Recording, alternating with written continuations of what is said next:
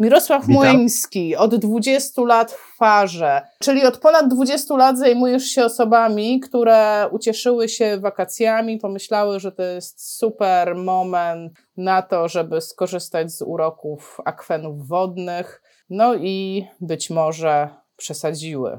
Tak, to prawda, 20 lat, ale FAR to nie tylko uraz rdzenia kręgowego, w tej chwili to jest jeszcze o wiele większe przedsięwzięcie, bo są także inne osoby, generalnie także osoby z mózgowym porażeniem dziecięcym, dzieciaki z przepukliną oponowo-rdzeniową. No, ten aspekt tej farowskiego działania jest bardzo duży, a ponadto jeszcze pracuję w oddziale e, neurologii, rehabilitacji neurologicznej, także wszystko jakoś się zbiegło. 20 lat temu się ten far w moim życiu pojawił i, i tak już jest.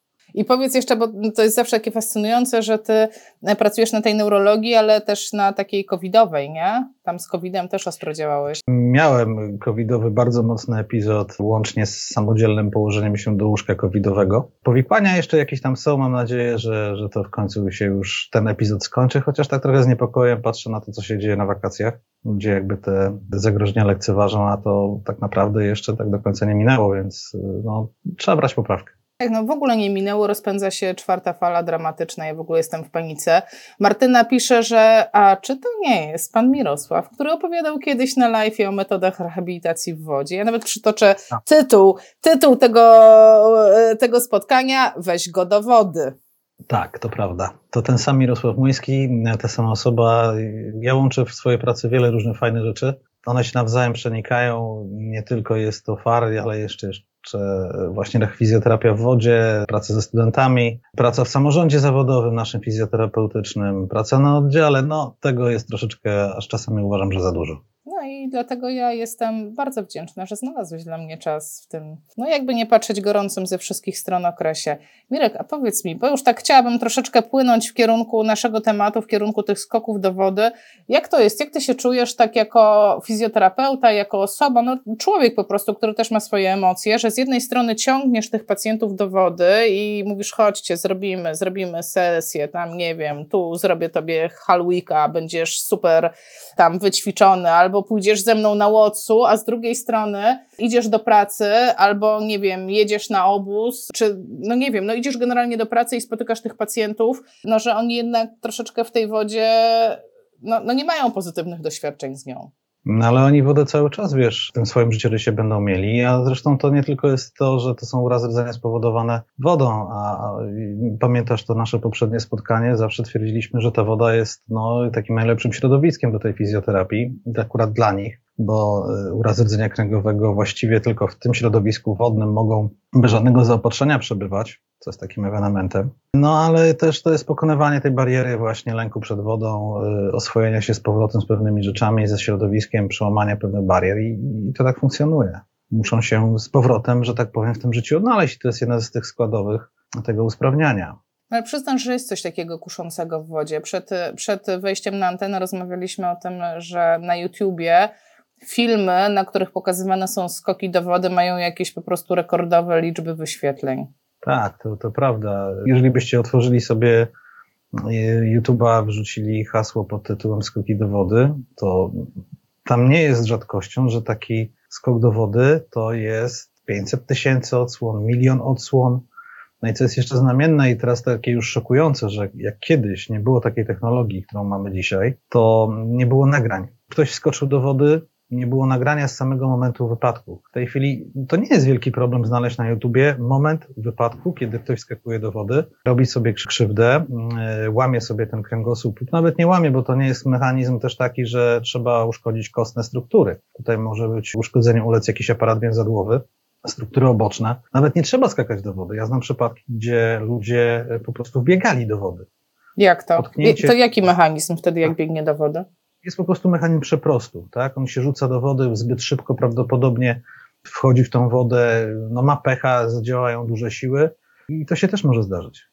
Tutaj, tutaj też takie elementy widziałem, takie, takie zjawiska się pojawiały i, i ta woda jest bardzo niebezpieczna. Zresztą ja mam ze sobą jeszcze epizod pracy na przystani. Ja, ja kiedyś pracowałem jako bosman na pewnej przystani i muszę powiedzieć, że myśmy zawsze po, po imprezie czyli po imprezie w sensie dyskoteka, która się tam niedaleko odbywała, braliśmy aparaty nurkowe, braliśmy sprzęt, często skakiwaliśmy my do wody w sensie rozumienia nie takiego, że wskakujemy, tylko wchodzimy. I od tego czasu mi się też to wzięło, że ja nigdy raczej nie skaczę do wody, kiedy nie muszę. To nurkując znajdowaliśmy po imprezie ławki, kosze na śmieci, no to kąpielisko jeszcze było na tyle fajne, że było głęboko, ale e, z jednej strony byliśmy, mieliśmy tylko 2,5 metra, no bo to jezioro Rennowe to mniej więcej tak wygląda, że z jednej strony, i to jest też dosyć ciekawa rzecz, może być 50 centymetrów wody, a z drugiej może być 2 metry. Ja znam przypadek, że człowiek się pomylił po, przy usłowiowym takim pijaku i skoczył na 50 centymetrów, bo mu się strony w jeziorze pomyliły na pomoście. E, to myśmy znajdowali naprawdę różne rzeczy na dnie. I, i, i fantazja ludzka w sposobie zrobienia sobie krzywdy jest, czy to zostać sprawcą tej krzywdy dla kogoś, jest nieograniczona.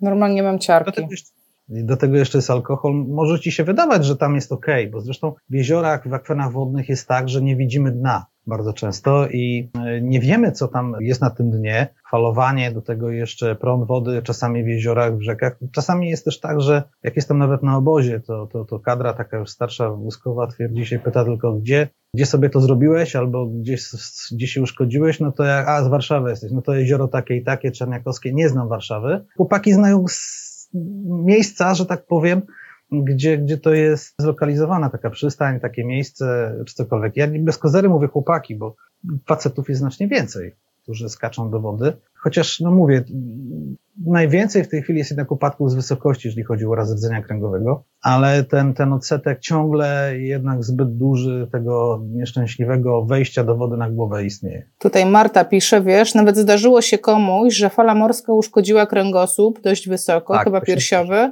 Okazało się, że osoba miała lekki uraz wcześniej, ale nie miał konsekwencji. Dopiero ta fala tak jakby dobiła to. Tak, brak stabilizacji, tak? Czyli, czyli gdzieś tam był uszkodzony aparat więzadłowy w tym kręgosłupie i to wystarczy. Ja znam przypadek też, że fala oceaniczna, to y, nie jest metr czy tam dwa, nasz Bałtyk to naprawdę musi się rozszaleć, żeby była dobra fala, ale fala taka długa oceaniczna to jest ładnych kilka metrów i znam przypadek, że pewnego pana, wbrew jego absolutnie tutaj nie było akurat takiej jego, jego brawury, po prostu też przykryła, uszkodziła, to jest kilkaset czasami ton wody, potrafi nieźle skołować, nawet pływając można sobie zrobić krzywdę, jeżeli ktoś pływa i ma dużą falę, duże zafalowanie, to wystarczy, że jedna mocniejsza fala podniesie go do góry i uderzy w nieszczęśliwy bardziej sposób pod dno. To jest też prawdopodobne.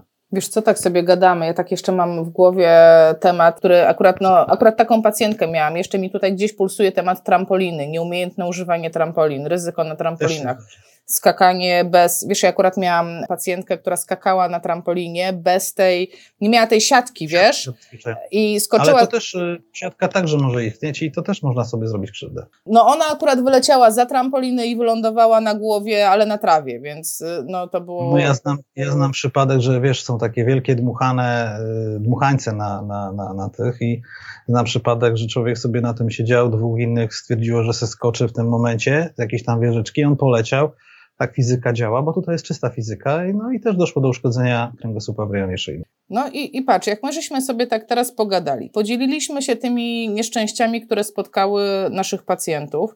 Nie masz takiego poczucia, czy nie obserwujesz takiego mechanizmu u siebie, że masz wyższy poziom lęku przed takimi zachowaniami niż przeciętna osoba? A dalej podążę, y, sprzedajesz to swoim bliskim, znajomym, dzieciom, rodzinie bo ja na przykład to totalnie obserwuję u siebie. Mój syn nie chodzi na dmuchańce, po prostu nie, koniec kropka. To jest za duże ryzyko jak dla mnie. Mój syn nie skacze do wody, nawet na basenie, mówi ojej, mamo, stresują mnie też. My rodzinnie jesteśmy związani dosyć mocno z fizjoterapią, z medycyną i i mój syn na przykład się już wychowuje w takim, że tak powiem, e, poczuciu wiedzy o tym zjawisku, więc jest troszeczkę inaczej, ale mam coś takiego, że na przykład po 18 nie pójdę na, na, na kąpielisko miejskie. I nie pójdę też paradoksalnie w rejon, gdzie, gdzie nie ma ratowników, są pomosty i cokolwiek, dlatego że jak ja widzę, co się tam wyprawia, no to się zastanawiam, że no ciekawe, jak trzeba będzie szybko reagować, kiedy coś się komuś stanie. A to wcale nie jest taka prosta rzecz, wyciągnąć człowieka z wody w odpowiedni sposób, bo w tych mechanizmach uszkodzenia kręgowego może dojść do czegoś takiego, że nieprawidłowe postępowanie później z takim pacjentem, z taką osobą poszkodowaną, może nawet nasilić pewne rzeczy, więc tutaj trzeba jeszcze odpowiedniej techniki i to też jest dosyć trudne. To nie jest taka prosta sprawa, zresztą to tak jak zanalizujemy pacjenta z uszkodzeniami rdzenia kręgowego, zwłaszcza tymi wysokimi, to się okaże, że to są najbardziej skomplikowane przypadki, jeżeli chodzi o fizjoterapię. Nie tylko fizjoterapię, i o ortopedię, o zaopatrzenie, o całe, wiesz, tutaj podejście pielęgnacyjne. To są pacjenci, którzy wymagają stuprocentowego ojomu z pełnym wyposażeniem i z pełną mobilizacją całego zespołu. Bo to jest interdyscyplinarne podejście. No właśnie, ja nie ukrywam, że zaprosiłam Cię, żeby właśnie pociągnąć Cię za język właśnie w tym temacie. No bo jak ja pomyślę, nigdy nie pracowałam na takim ojomie, nigdy nie pracowałam na takim ostrym oddziale, ale jak sobie wyobrażę, że teraz jestem takim fizjote- taką fizjoterapeutką, dostaję zlecenie, pójść do tego pacjenta, a on tak, załóżmy, niech to będzie, że to było trzy dni temu, więc on już jest po tych operacjach takich, y, wiesz, ratujących życie, tak to nazwijmy, no ale tak, połamany, pewnie ma jakieś krwiaki, dajmy na to, nie wiem, czterokończynowe porażenie, może, jeżeli to jest uraz jakiś taki większy, nie wiem, spadł z wysokości czy wypadek samochodowy, no to jeszcze urządzenia,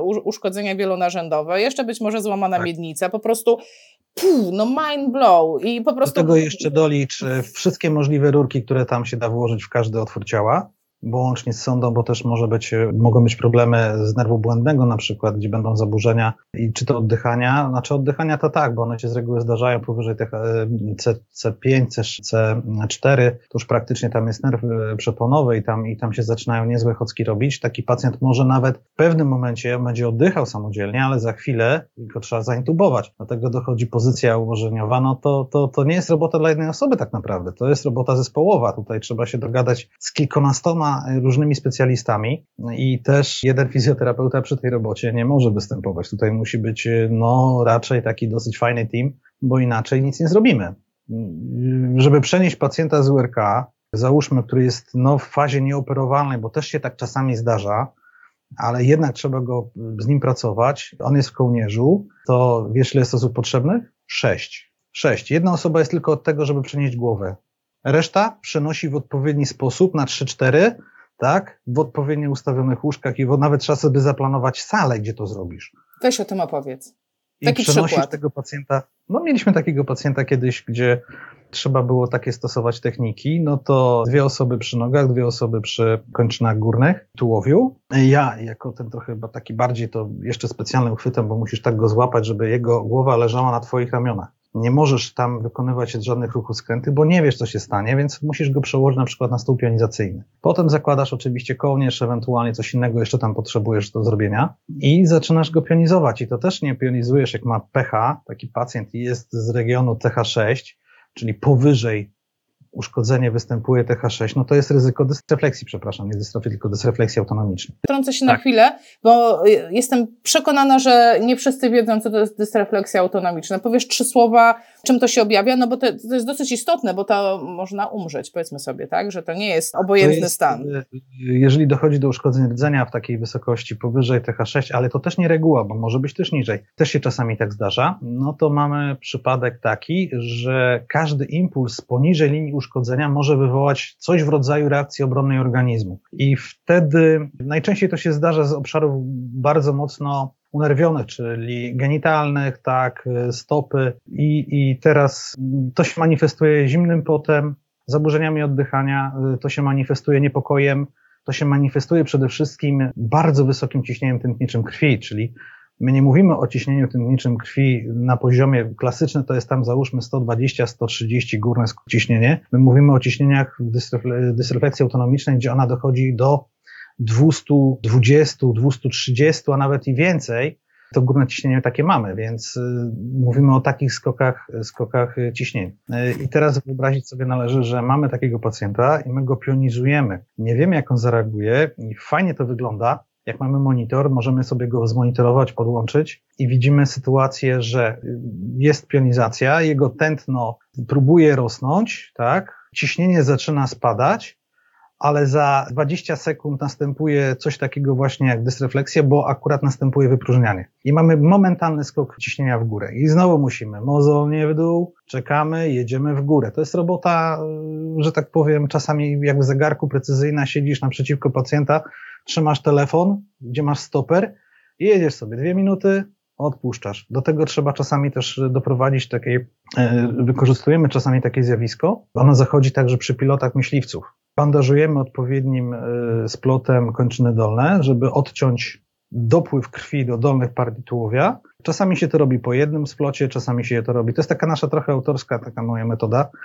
Robi się to po jednym lub na dwóch bandażach na każdej, na każdej kończynie. No i później widzimy, że aha, tego dnia zaczyna to działać, tak, to sobie odejmiemy jeden bandaż, zwiększymy ciśnienie w kończynach dolnych, potem następny i tak stopniowo, stopniowo do góry. Pacjent generalnie się cieszy, jeżeli jest w stanie usiąść na wózek, bo jeżeli on na przykład jest w takim położeniu trzymiesięcznym, prawie że na płasko i teraz zaczynasz go pionizować i siadasz, no to i on zaczyna się poruszać, jeżeli ma taką możliwość. Zaczyna się poruszać po oddziale, po sali cokolwiek, może zacząć koło siebie, że tak powiem, decydować o tym, co może robić, no to jest straszliwy dla niego plus i czasami się śmiejemy, że trzeba odnotować tą datę, bo to jest data, która jest taka dla ciebie znamienna, kiedy pierwszy raz usiadłeś na wóz.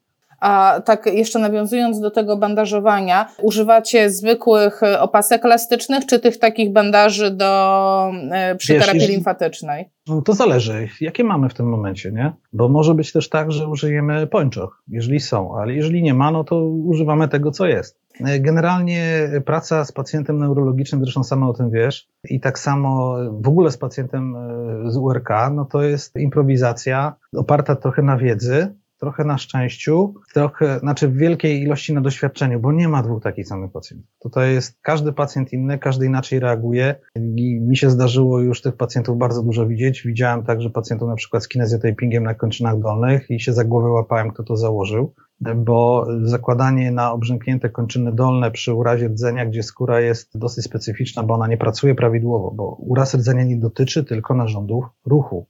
On dotyczy naczyń krwionośnych, skóry, limfatycznych, układu moczowego, układu moczowo-płciowego, wydalniczego, jelit, e, narządów e, typu płuca. To jest wszystko. I teraz zakład... pewne rzeczy, jak się założy, to potem możemy na przykład wywołać odleżynę. A odleżyna najdłuższą, którą ja widziałem w przebiegu urazu rdzenia kręgowego, to jest, e, zgaduj ile lat? Mm, wiesz co, e, odniosę się troszkę do własnych doświadczeń. E, znałam człowieka, który no tak około pięciu lat się woził z odleżyną. 18. Ja widziałem 18-letniego, 18-letnią e, odleżynę. No i okresowo z przetoką. Także też takie są sytuacje. Jeżeli łapiemy tą odleżynę, bo do tego dochodzi właśnie, jak już nie mamy wchłaniania białek, tak, nie mamy odpowiedniego odżywiania, no to tracimy tracimy na odleżynach, więc to, to jest cała wielka y, gra z tym pacjentem, żeby to po prostu jakoś ogarnąć. Tutaj Ewelina pyta, pięć osób do przesunięcia pacjenta. Nie jest możliwe użycie łatwoślizgu? Nie, bo jest niestabilny w tym momencie. Można go podłożyć. Oczywiście, w jakiś sposób nam to ułatwi, ale tyle osób musi być, bo jeżeli to jest długa dźwignia, tak, głowa jest jedna, jeżeli ta osoba tam ci przyniosą zbyt szybko i się nie zgrają, no to mamy ryzyko znowu jakiegoś uszkodzenia, bo nie zawsze jest tak, że da się, załóżmy, to jest uraz wielonarządowy, dało się w tym momencie tego pacjenta ustabilizować. Więc to, to, to każdy przypadek jest inny i tutaj też trzeba bardzo dosyć ściśle współpracować z lekarzami. Y, to nie jest samowola, tylko trzeba porozmawiać, jaki tam był zastosowany typ stabilizacji, czy w ogóle była stabilizacja, czy jesteśmy w fazie takiej, że możemy stosować kołnierz, czy ewentualnie jakiś większy wyciąg, czy cokolwiek innego robimy. Dla tych, co y, nie mają jeszcze pojęcia, tak jak kiedyś fizjoterapia tego wyglądała, to myśmy to nazywali walkmanem. Nie wiem, czy kojarzysz. Wyciąg za czaszkę. Halo. Śrubki, to nie halo? Tak, do tyłu. Halo było chyba, ja to już nie pamiętam, nieważne, bo teraz się tego, to się rzadziej stosuje, ale, ale się jeszcze stosuje, więc ci pacjenci tak wyglądali, więc y, to, to, to, to jest trochę z tym pracy. No dobra, Mirek, wiesz co, ale ja tak, ja tak, wiesz, ja tak cały czas kminię, ja sobie lubię wyobrazić, jakby to było, gdybym to ja była na tym oddziale. Powiedz mi, po co wy go wyjmujecie z łóżka? To nie można łóżka, no są już łóżka pionizacyjne, tak? Nowoczesny OJOM będzie miał łóżko, które zrobi no Ale bo... całe, życie, całe życie on nie będzie w tym łóżku jego trzeba też z tego łóżka wyciągnąć, on się zacząć musi poruszać, nawet jeżeli już jest w pewien sposób zabezpieczony, czy to respiratorem, czy czymkolwiek, bo może też być respirator przewoźny, no to trzeba go w jakiś sposób jednak do tego pionu posadzić i do tego, żeby on chociaż zaczął decydować o sobie w jakikolwiek sposób. Łóżko to nie jest rozwiązanie, bo taką osobę trzeba przywrócić do życia. to jak ty podejmujesz decyzje takie kliniczne? Jakby wchodzisz do tego pacjenta, na co zwracasz uwagę, co będzie takim czynnikiem decydującym, że a, tego to wyjmiemy, a tego to obrócimy, a tego to posadzimy, a tego to spionizujemy. Wydolność. Wydolność, jaką on ma formę wydolności, czy on jest w stanie to, to, to, to przyjąć, e, że tak powiem, e, tą pozycję. Bo to też nie jest tak, że jednego dnia on będzie to w stanie zrobić, oczywiście, ale drugiego już nie. Więc e, no to troszeczkę doświadczenia wymaga, trochę też parametrów obserwacji danego pacjenta, jego fazy, jeszcze kilku innych rzeczy. Także to, to też trochę nawet i sił i środków, jakie masz na oddziale w tym momencie, czy jest ktoś, kto jest w stanie to ci pomóc. My się śmiejemy czasami, że trzeba nawet wzrostem się dobierać do takiej pionizacji. No, no dobrze. A jak ty tą wydolność oceniasz? Y, oceniam nawet, y, wiesz co, względnie oceniam to po czasie, jaki on jest w stanie poprzedniego dnia na przykład uzyskać, tak? Jeżeli, i też warto jest zrobić coś takiego, taki że prowadzić tym pacjentom dzienniczek. Stara metoda, dzienniczek on sobie będzie notował, oczywiście jak może, albo cokolwiek na komputerze, nieważne, bo komputery paradoksalnie są przydatne tutaj, bo on lepiej sobie pacjent z uszkodzeniem rdzenia, załóżmy w odcinku szyjnym, bo nie ma pełnej kontroli klęczny górnych, żeby on sobie sam prowadził i dla niego to jest taki czynnik motywujący, że wychodzi z tego łóżka, może cokolwiek innego zrobić, może gdziekolwiek pojechać, jeżeli mamy taki sprzęt i, i, i w ten sposób działamy. To bo... czy można, Mhm. E... Znaczy, oczywiście jeszcze dochodzą parametry typowo takie z monitora, jeżeli jest monitor podłączony, nie? To, to, to też jest inna sprawa.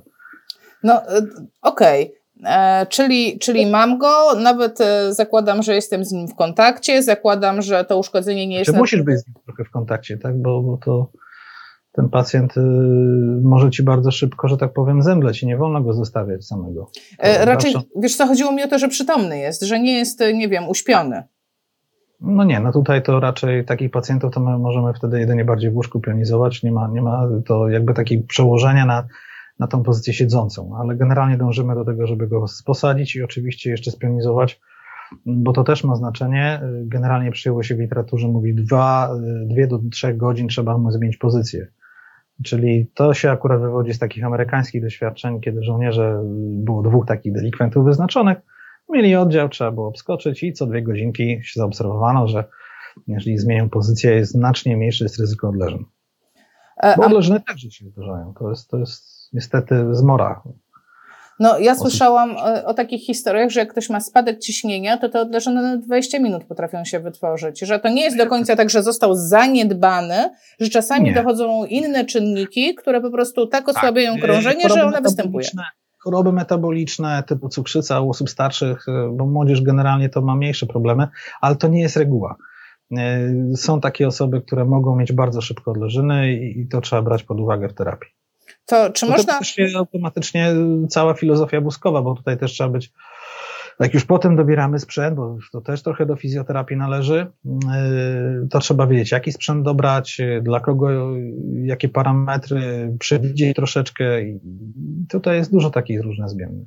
A można tak powiedzieć, że ogólnie, na przykład gdybym ja dzisiaj chciała zmienić pracę i zatrudnić się na takim ostrym oddziale, to mogę sobie przyjąć takie założenie, że generalnie moim celem u tych pacjentów będzie doprowadzenie ich do jak największej pozycji pionowej i do lokomocji, w tym znaczeniu tak. do przemieszczania się, tak? Jakie, jakie, tak, jaki, to, jaki jest, to nie byłby styl? Pierwszy, tak, to jest ten pierwszy etap. Oczywiście najlepiej to już urządzić to wszystko w takim stylu, żeby to było jak najbardziej zbliżone do prawidłowego napędzania, bo tutaj nawet e, nieprawidłowe napędzanie powoduje u takiego tetraplegika, jeżeli go mamy, no, dysfunkcję, jeżeli chodzi o wydolność tego, tej jazdy, więc on też się musi nauczyć w odpowiedni sposób na tym wózku poruszać.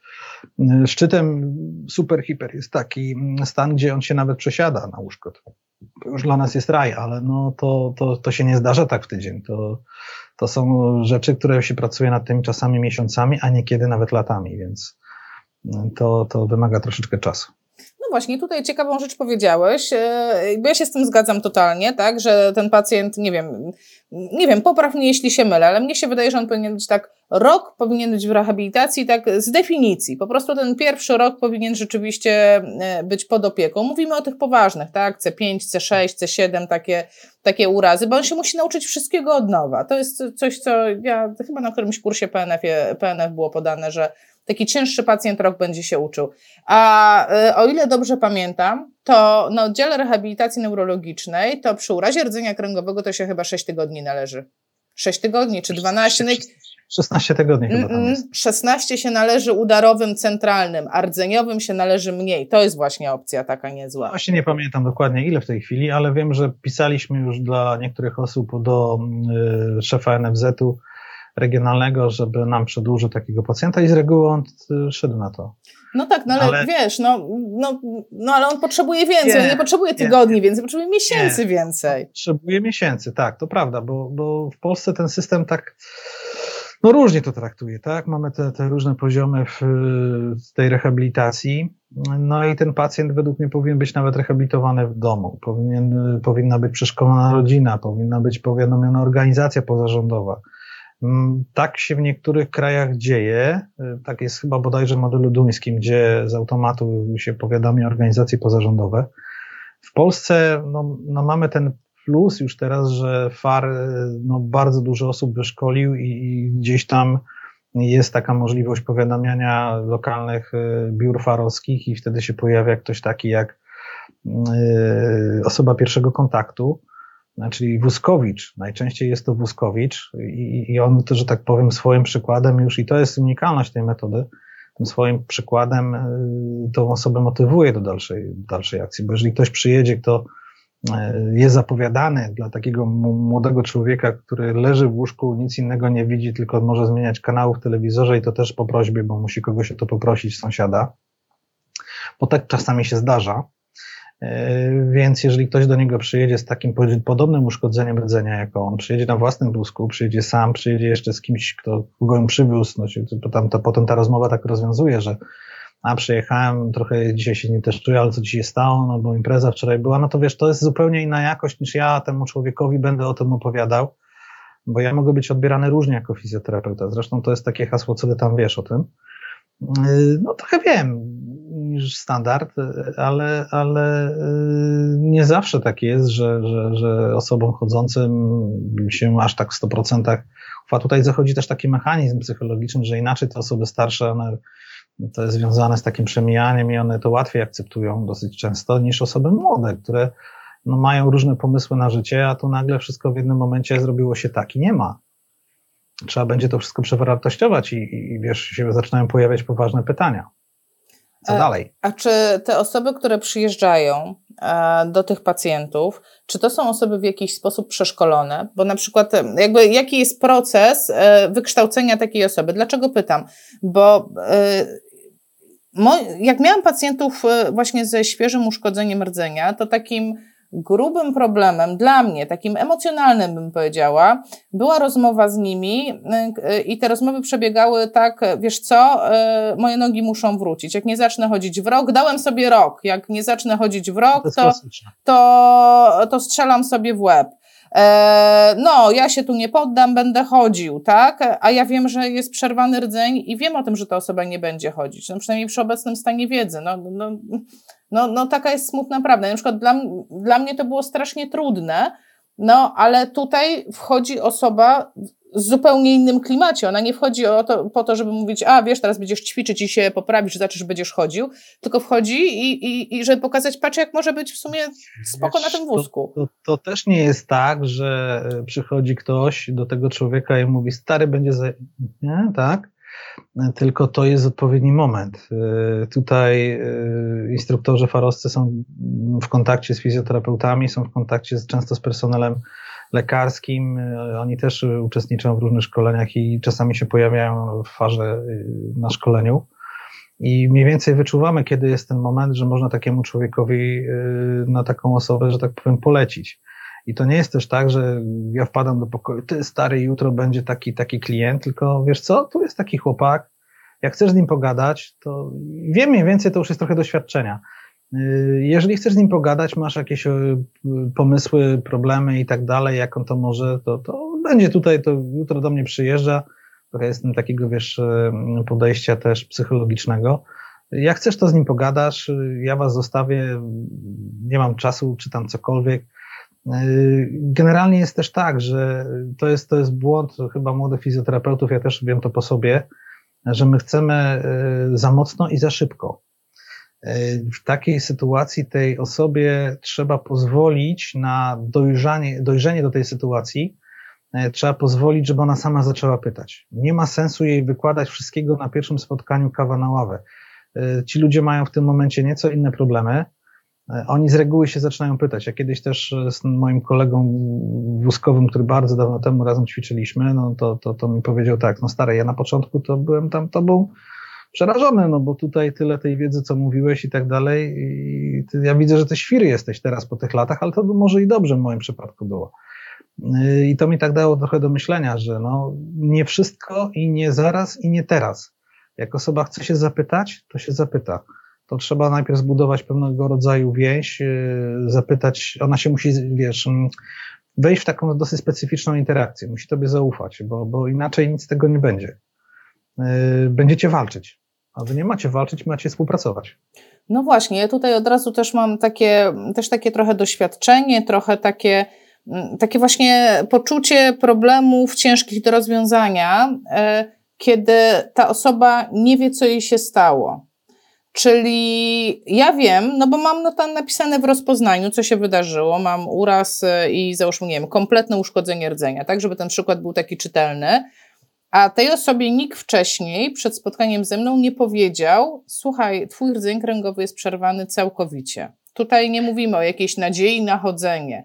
I wiesz, i, i, i w tym momencie, no taka strasznie niekomfortowa dla fizjoterapeuty sytuacja, no bo to nie ja jestem od podawania tej informacji, Tutaj, tak, to jest lekarska sprawa. Tak, tutaj mi mówisz, że w ogóle wstrzymaj się, Aśka, daj czas tej osobie. Wiesz, jeszcze od razu trzeci dzwonek dzwoni mi w głowie. Tu była moim gościem e, pani Anna, która, e, która jest mamą Krzyśka i ona mówi, nie zabierajcie nadziei na początku. Mówi, nawet nawet tak. jak widzicie, że jest beznadziejnie, to jest bardzo ważne. Tego my, nie wolno robić. Tak, my jesteśmy w takim szoku, że nam nie wolno zabrać tej nadziei, bo to już będzie za dużo. No nie wiem, no rozwiąż to. Też też bardzo często robi się nieco inaczej, bo to też się ocenia. Zresztą mamy tak fajnie w tym zespole, który żeśmy sobie wypracowali, że mamy psychologa, mamy, mamy osoby, które też w jakiś sposób tam już pracowały z takimi osobami, więc wiemy trochę więcej, ale robimy też coś takiego, że staramy się nie zabierać tej nadziei, jak mówisz. Mówimy, że nie wiemy, jak będzie. Będziemy jechać dwutorowo, czyli uczymy cię pracować na wózku i będziemy jednocześnie starali się, jeżeli coś się pojawi nowego, będziemy starali się to wykorzystać do stania i chodzenia. Nie można tak y, z automatu wpaść i powiedzieć, no słuchaj, ty będziesz świetnie na wózku jeździł, bo jesteś paraplegikiem. No sorry, no tutaj nie o to chodzi. Ale y, trzeba się bardzo mocno właśnie jakby zastanowić nad tym, co chcemy osiągać, y, jakie są te cele dla tego pacjenta, Zresztą on sam nam też powie, co by chciał, tak? Czy, czy, czy dla niego ważne jest, żeby wyjechać z tego cholernego pokoju i nie patrzymy się na ten sufit, czy działamy tutaj y, w jakiś sposób nad pewnymi rzeczami typu obracanie się, y, czy, czy działamy nad ubieraniem, czy robimy cokolwiek innego, ale te cele muszą być niewygórowane, że ja za tydzień będę chodził, tylko te cele mają być takie, żeby były realne, czyli to, co my możemy teraz zrobić. I te nawet te małe cele czasami są dosyć trudne, bo jeżeli każemy, prosimy właściwie tetraplegika o to, żeby się obrócił z pleców na brzuch, no to on musi wykonać masę innych ruchów i masę techniki. Każda ta technika będzie jeszcze inna, bo on musi swoją własną technikę znaleźć. To nie jest tak, że jest jedna gotowa. Ja mogę podpowiedzieć, albo kolega, który jest tetraplegikiem, może mu to podpowiedzieć, jak on to ma zrobić. I to jest ta największa wartość, jeżeli chodzi o FAR ale to jest każde indywidualne podejście. Tutaj nie ma dwóch takich samych ludzi, bo nie ma dwóch takich samych długości przedramion, nie ma dwóch takich samych e, napięć mięśniowych, nie ma dwóch takich samych e, długości tułowia. Każdy jest inny. I to jest indywidualna praca. Tutaj nie ma takiego schematu stuprocentowego, że 15 dzień wprowadzamy to i to. To, to. to nie jest kardiologia. gdzie mamy określone jasno, fajny nycha, tyle i tyle to zrobimy, siedem schodów, tutaj wejdziemy. Tu nie ma. To jest bardzo indywidualna robota. A kiedy pojawia się taka współpraca właśnie z farem, tak? No bo jest ten moment, tak? Ja cały czas się trzymam tego pacjenta, który jest w tym stanie ostrym. Przychodzę ja, cała na biało, wyciągam go z łóżka, nie wiem, przesadzam go na wózek, no uczę go tych rzeczy. Pojawia się ten człowiek z faru, gada z nim, tak? E, kiedy... Trzy dni. Po trzech dniach? Tak, ale nie rozmawiamy wtedy z pacjentem. A, czyli zaczynacie wymieniać informacje, po prostu słuchajcie, jest u nas na oddziale taki facet, czy taka dziewczyna. Czy wiesz, no to wynika z przepisów. My rozmawiamy najpierw z rodziną, tak? Czyli yy, rozmawiamy z rodziną, że jest taka organizacja, jeżeli Państwo chcecie wiedzieć, bo ludzie najczęściej wtedy są, wiesz, w takim strasznym spidzie i oni by chcieli wszystko dla tego człowieka, co mogą. A to jeszcze nie ta chwila, bo bardzo łatwo można z, zrobić jakieś błędne inwestycje, kupować Bóg wie jakie wózki, które potem będą w szafie stały i to się do niczego nie przyda, albo jakiś pionizator, który będzie z pół pokoju, wiesz, i będzie świetnym wieszakiem na, na, na, na ciuchy. I zaczynamy od rozmowy najczęściej z rodziną, tak? Co oni wiedzą, to jest kwestia doświadczonego instruktora, czyli on musi znać te postępowanie, musi wiedzieć, co się dzieje, musi rozmawiać z tą osobą i on to najczęściej robi na swoim przykładzie. I na przykładzie, wiesz, mm, e, nie, nie, nie jednego czy dwóch osób, tylko na przykład 20, 50 czy 100, czy nawet więcej, bo bo średnio rocznie, no to to jest tak 800 y, przypadków urazu Polsce? W Polsce, tak? Tak, 800. Ponad 800. I sezon jest też taki, że no, brzydko to powiedzieć, ale jak kiedyś mi się zdarzyło, siedzę na, na takim dyżurze sobotnim, to już dawno temu było, odpalony komunikator i kolega, który jest tetraplegikiem mówi, no to dzisiaj będą dużo pacjentów ze skokami do wody, tak? A drugi mówi, nieprawda. To mówi, wiesz, motocyklista, też kolega na, na komunikatorze. Mówi, dzisiaj będzie dużo motocyklistów, więcej będzie dzisiaj paraplegików. To środowisko też farowskie jest takie dosyć, wiesz, chłopaki są i dziewczyny dosyć specyficznie, jeżeli chodzi o poczucie humoru. Więc y, podejrzewam, że to wiesz o tym, że, że yy, poczucie humoru jest nieco wypaczone i dla ludzi z zewnątrz ono jest takie dosyć specyficzne, ale to jest taki no, no, język trochę branżowy I, I, takim językiem się trochę komunikujemy, więc e, każdy język służy do tego, żeby skracać relacje, żeby jak najwięcej informacji przekazywać. Stąd, stąd e, bywały takie osoby na obozie, które były spoza zupełnie branży i były hasło, tak chłopak siedzi, siedzi na, na radzie wieczornej, bo zawsze są odprawy i panowie, ale o jakich wy modelach Citroenów mówicie? C4, C6, C5, o co tu chodzi, nie? No, no, no, no, on nie jest z branży, tak?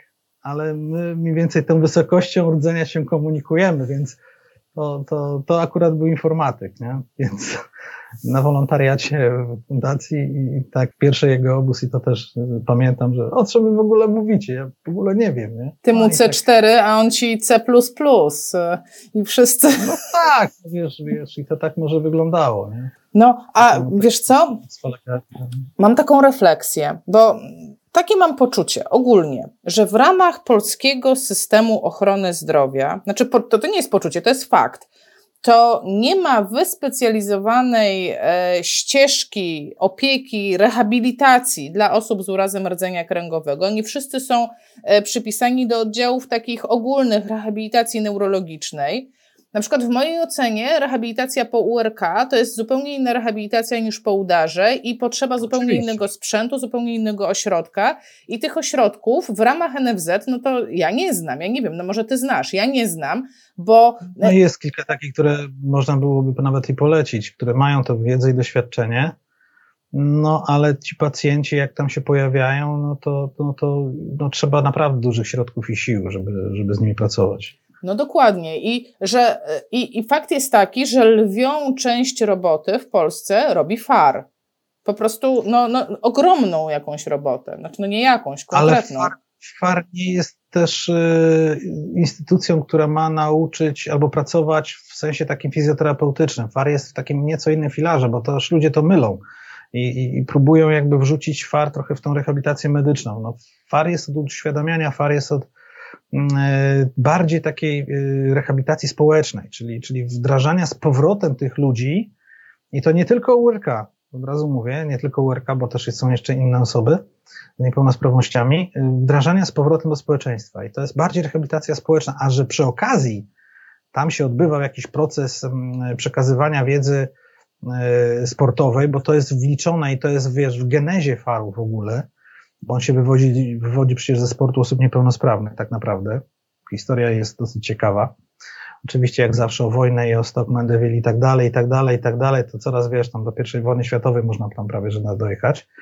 Ale, ale tutaj FAR y, no, powstał z niedoborów tego systemu y, jeszcze z lat 80., bo, bo FAR to jest instytucja, która nie istnieje dwa lata, tylko od 1800, przepraszam, 1988 roku formalnie, nawet troszeczkę szybciej, niektórzy datują, a, a te pierwsze y, wzmianki już o tym szwedzkim ruchu, no to są lata, początek lat 70.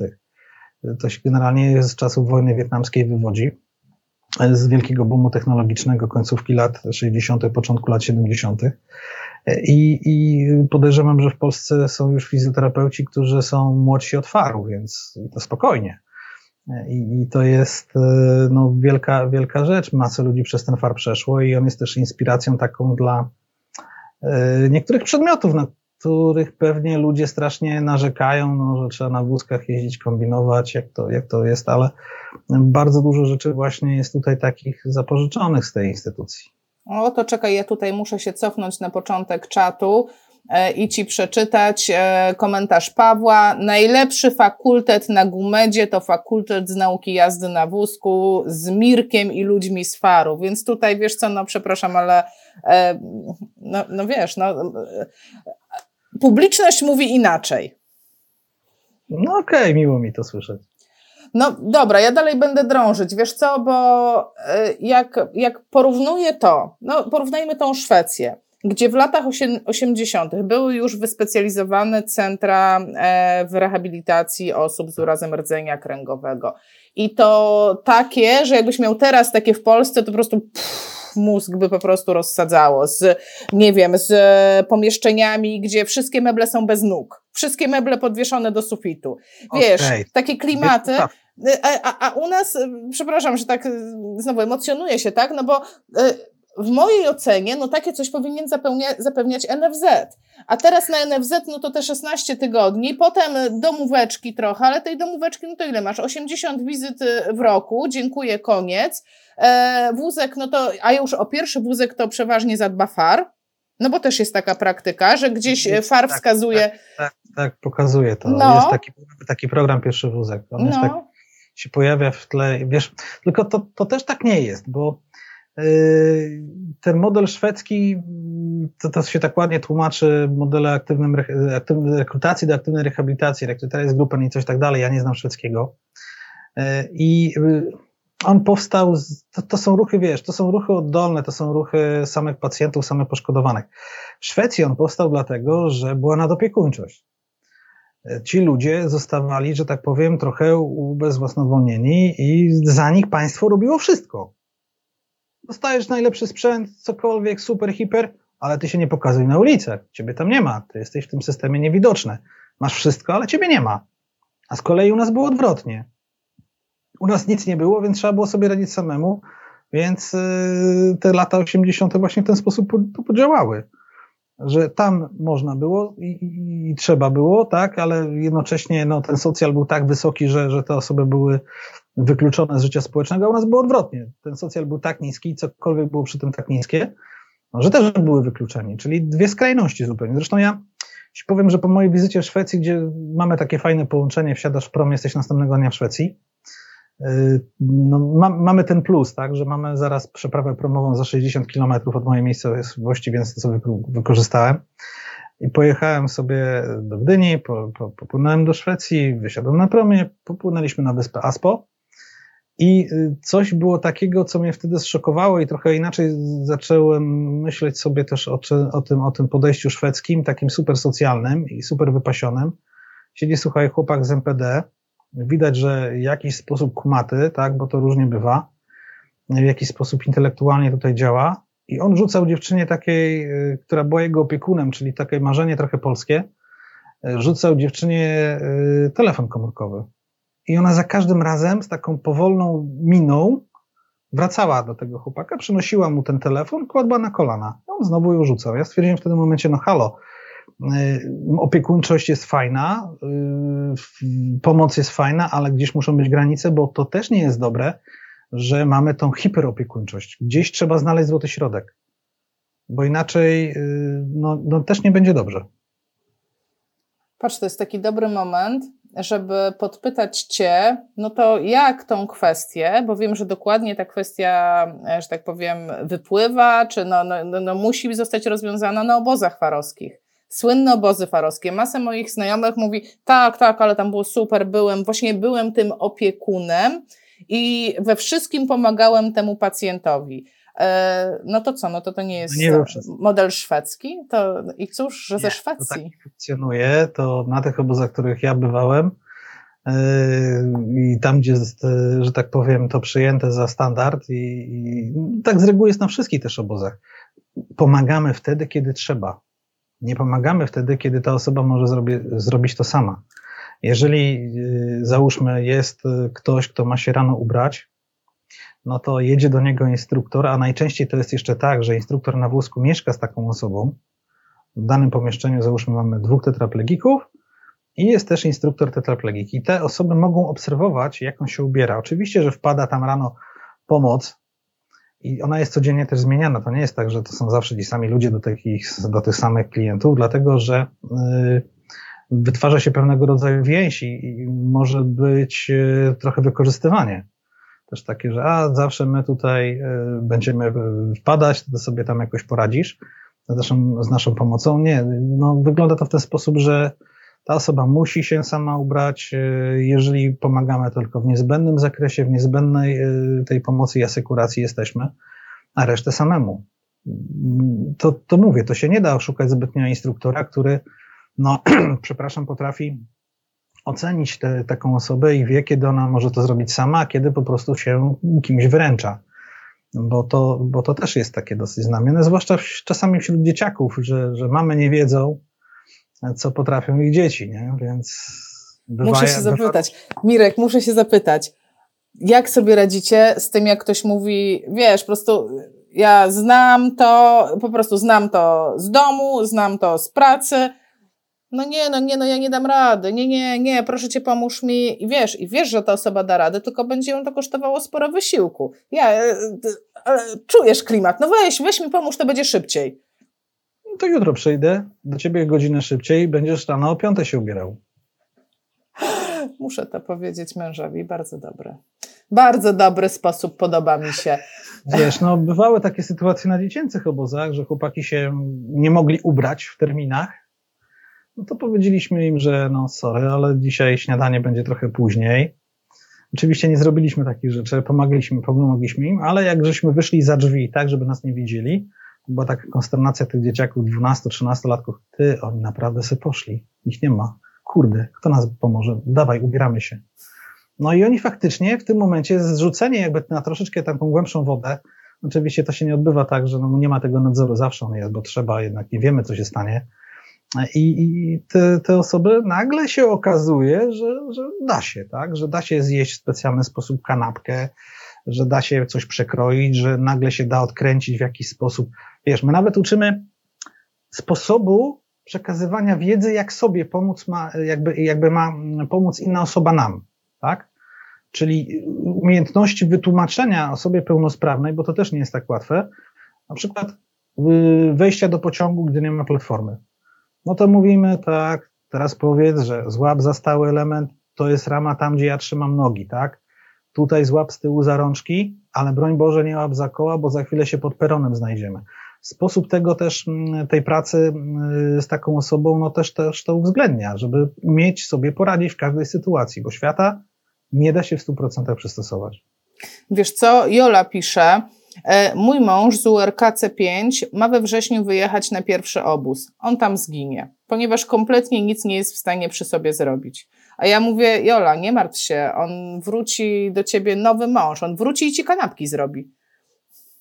No i dobrze, dobrze. Jeżeli y, się wydaje komuś, że C5, bo oczywiście to też nie jest tak, że C5 równy C5 takiemu, który no, potrafi nawet chodzić, bo są takie osoby z uszkodzeniem rdzenia w kręgosłupie szyjnym, które potrafią się poruszać za pomocą kończyn dolnych i to jest nawet częstsze niż paraplegicy, bo to wynika z mechanizmu uszkodzenia po części, ale no, no nie wiemy, jaki jest potencjał takiej osoby. Nie możemy powiedzieć, że on sobie nie da rady. No, pewnie, że będą pewnego rodzaju zagrożenia, że on tam będzie skonany jak, wiesz, brzydko kiedyś powiedziawszy, koń po Wielkiej Pardubickiej, ale no, no, no, no, nie da się czasami inaczej. To, to ci ludzie, którzy tam są, bardzo często wiedzą, ile ten pacjent sobie może, ta osoba, na ile sobie może po, po, pozwolić. Oczywiście są osoby, które jakby się nie kwalifikują na takie obozy, czyli ktoś, kto ma odleżyny, bo to, to farm nie jest od tego, żeby odleżyny leczyć. On może przekazywać wiedzę na temat odleżyn, ale nie jest od leczenia.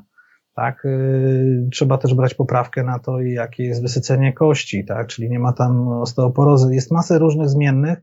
Sprawdza się to przy pomocy, przy pomocy oczywiście różnego rodzaju ankiet yy, i trochę wiedzy. No, zawsze na tym obozie też są fizjoterapeuci, są, jest pielęgniarka, jest, jest ktoś jeszcze, żeby no to jakąś e, logistycznie to wszystko ogarnąć.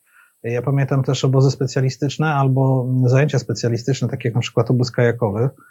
No to, żeby przygotować taki obóz, bo, bo zwykły obóz to jest standard, ale obóz, który się odbywa po raz pierwszy w jakimś terenie, no to jak pamiętam, jak żeśmy robili taką wyprawę kajakową dla osób z tetra i paraplegią, no to ja musiałem rzekę mierzyć, jaka jest głębokość i logistycznie mapę opracować, gdzie karetka potencjalnie może dojechać i jak wopry się przebije przez niektóre rzeczy. Tak, tak to wyglądało, więc y, mieliśmy na mapie naniesione drogi ewakuacyjne i inne rzeczy i, i no, to jest logistyka, więc y, załóżmy, że mamy też osobę, która ma skostnienia pozaszkieletowe i nie jest w stanie się odpowiednio złożyć przy takim pomoście, no to też musimy o tym wiedzieć. To, to, to, to jest y, no trochę, trochę dużej organizacji, no ale to jest, mówię, też drobek tych 30 lat, tak, że, że, że dużo rzeczy już się zdarzyło, mniejszych lub większych, korzystnych lub nie, no i, i stąd to się bierze. To powiedz mi tak, jako takie grande finale, e, jeżeli teraz, no wiesz co, no 56 minut już rozmawiamy, jakbyś był zainteresowany. Co, zleciało ci jak 15? To normalne. E, ja e, tak sobie wyobrażam. Tutaj była taka, taki fajny komentarz był. Jolanta napisała, że dzisiejsze spotkanie w skali od 0 do 10 ocenia na 20.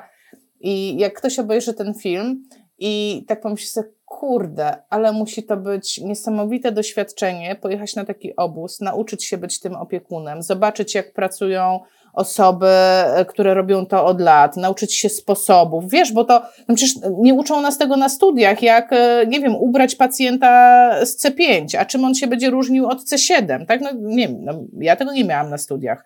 Jak założyć, e, nie wiem, bluzkę przez głowę C5, a jak C7, a, a pewnie będą jakieś różnice. To. No prawda? No to, to co trzeba zrobić, żeby zostać takim, nie wiem, wolontariuszem? Czy to może każdy, czy to musi być fizjoterapeuta?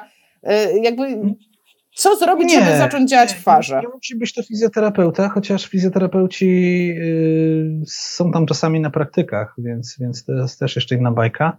Generalnie trzeba złapać kontakt albo z centralą FARU, czyli far.org.pl, albo na zajęciach regionalnych, czyli y, dane biuro regionalne złapać kontakt. I też tutaj można złapać je przez far.org.pl i tam w zakładce regiony można sobie to zobaczyć i wystąpić takim akcesem, że chciałby się pojechać na obóz. Obóz jest w 100% finansowany ze środków farowskich, które, które jest dofinansowane także przez Ministerstwo e, Sportu, Edukacji, jeszcze inne organizacje pozarządowe też mają tutaj swój udział. E, I na, czy, czy PEFRON nawet też, to, to można z tego skorzystać i pojechać w charakterze właśnie takiego opiekuna, wolontariusza tylko to, to nie do końca jest tak, że tam nie ma, tam jest 100% takich wiesz, fizjoterapeutycznego podejścia. Nie, tam trzeba naprawdę różne dziwne rzeczy robić, których, których na co dzień fizjoterapeuta nie robi. E, daj albo, przykład, daj przykład. Nie, bo się wstydzę. Ale dobra, no powiedzmy, yy, trzeba trzeba y, przesadzić na toaletę, trzeba też czasami zmienić pampersa. To nie jest tak, że ja tu jestem za fizjo i ja tu będę tylko od ćwiczeń. Y, y, ale są, są takie momenty. Ja ci powiem, po moim pierwszym obozie 20 lat temu w Spale pojechałem, byłem zupełnie zielony. jako że z, z tu z rejonu Trójmiasta dojazd po Dospałę, to w tamtych czasach bez samochodu to była wyprawa dwudniowa prawie. I pamiętam, że po całym obozie byłem skonany naprawdę, tak, bo w nocy się nie spało, coś trzeba było zrobić, gdzieś pojechać, coś, coś, coś że tak powiem, no, z, tymi, z tymi ludźmi popracować.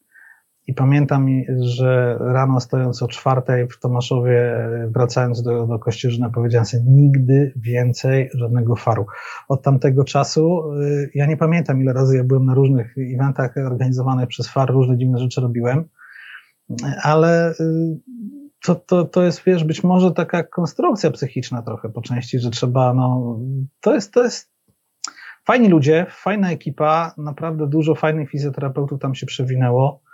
E, dużo fajnych ludzi można poznać z tej, z tej naprawdę górnej półki fizjoterapeutycznej i to jest niekonwencjonalne często podejście, tak, że nie jest to, tam się dużo rzeczy też nauczysz właśnie typu praca w wodzie, nauczysz się, e, no, no boju, to jest takie, no, tak jak, jak w wojsku niektórzy mówią, co tam życie przyniesie, to trzeba pracować, nie? No, też jest anegdotycznie, bo Niektórzy nawiązują przyjaźnie, nie, znam kilka osób, które, które no, zawarły związek małżeński po obozie już e, i, i to, to różnie bywa, to jest życie. To jest pewnego rodzaju zamknięte środowisko, chociaż nie do końca zamknięte, bo także mm, ono się oczywiście otwiera na inne, na inne rzeczy, ale no, bardzo fajne rzeczy tam można z tego wykorzystać w swojej późniejszej pracy, czy to z urazami rdzenia kręgowego, nie tylko urazami rdzenia kręgowego, ale i udarami, ale cała mechanika E, siedzenia na wózku, jak ten wózek dopasować. E, są osoby, które naprawdę mają taką wiedzę w tym zakresie, bo, bo też organizowane są jakieś yy, yy, pokazy wózkowe, tak, że, że trzeba umieć to, to, to wszystko dopasowywać, wiedzieć gdzie, co, z czym się je. I wtedy no, bardzo dużo tej wiedzy jest skomasowanej, szybkiej, przekazanej w taki bardzo, bardzo przystępny sposób. A jeszcze tak podpytam, ostatnie pytanie takie e, finalizujące, bo Tomek, Tomek pyta na czacie. Jak wygląda szkolenie kadry FAR w zakresie fundamentów wiedzy medycznej? Czy pytanie pacjenta o rodzaj urazu, napięcie spastyczne czy chwyt funkcjonalny znajdzie odpowiedzi?